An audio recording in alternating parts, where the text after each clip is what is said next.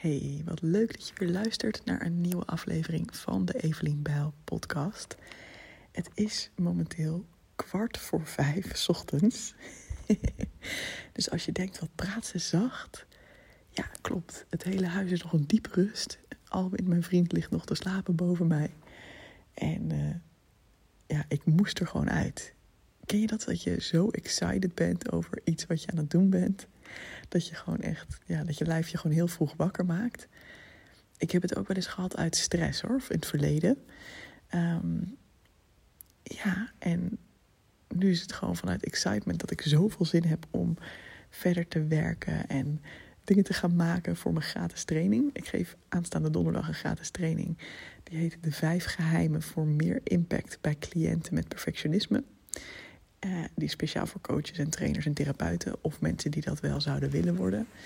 Um, aanmelden kan trouwens via evelienbel.nl slash training. Zo heb ik die pitch ook weer achter de rug.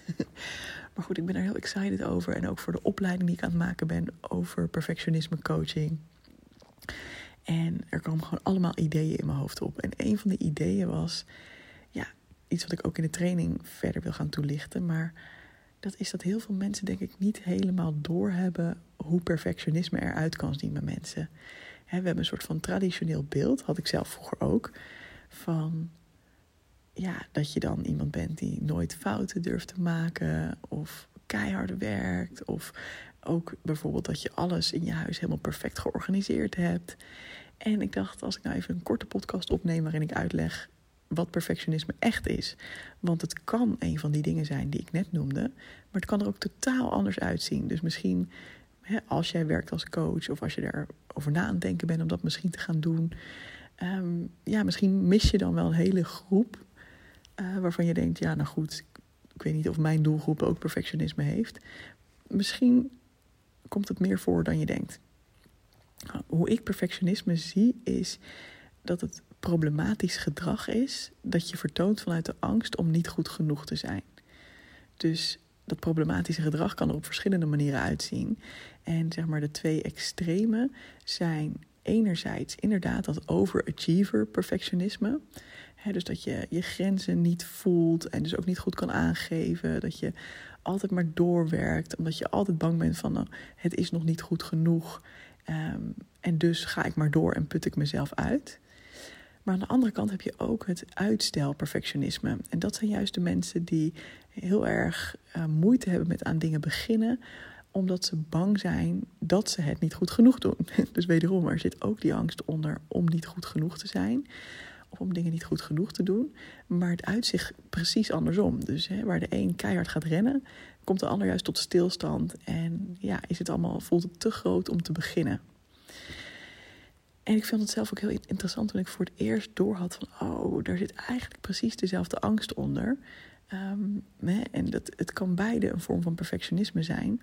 Dus perfectionisme coaching heeft op beide doelgroepen effect. En daarmee heb je eigenlijk al een heel groot deel van ja, de mensen die coaching zoekt, heb je wel gecoverd. Heel veel mensen herkennen zich wel in ofwel het ene uiterste of het andere.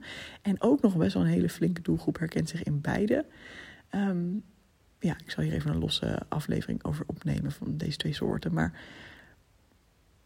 weet dus dat perfectionisme er op verschillende manieren uit kan zien.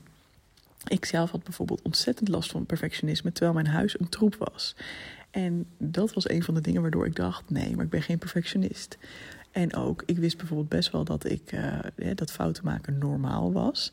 Dus vond ik mezelf geen perfectionist. Want ik dacht, een echte perfectionist, die denkt dat je nooit fouten kan maken. Nou, toen ik aan mijn management traineeship begon, uh, dat heb ik gedaan na mijn studie psychologie. Toen wist ik heus wel dat fouten maken normaal was. Ik vond het niet makkelijk. Maar ik had het veel meer op het gebied van: oké, maar als ik dan één keer een fout maak, dan moet ik er wel meteen van leren. Weet je wel, dat was ook perfectionisme, was ook een hele strakke houding. En dan heb je ook nog eens een keer emotioneel perfectionisme.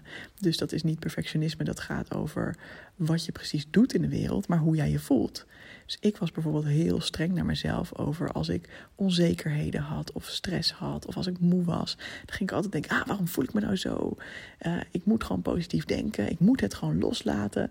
Nou, dat was mijn perfectionisme bijvoorbeeld. Dus ik geef je hierbij even een paar korte voorbeelden. Misschien heb je zelf nog wel meer voorbeelden. Deel die even met mij als je dat leuk vindt op Instagram via Evelien.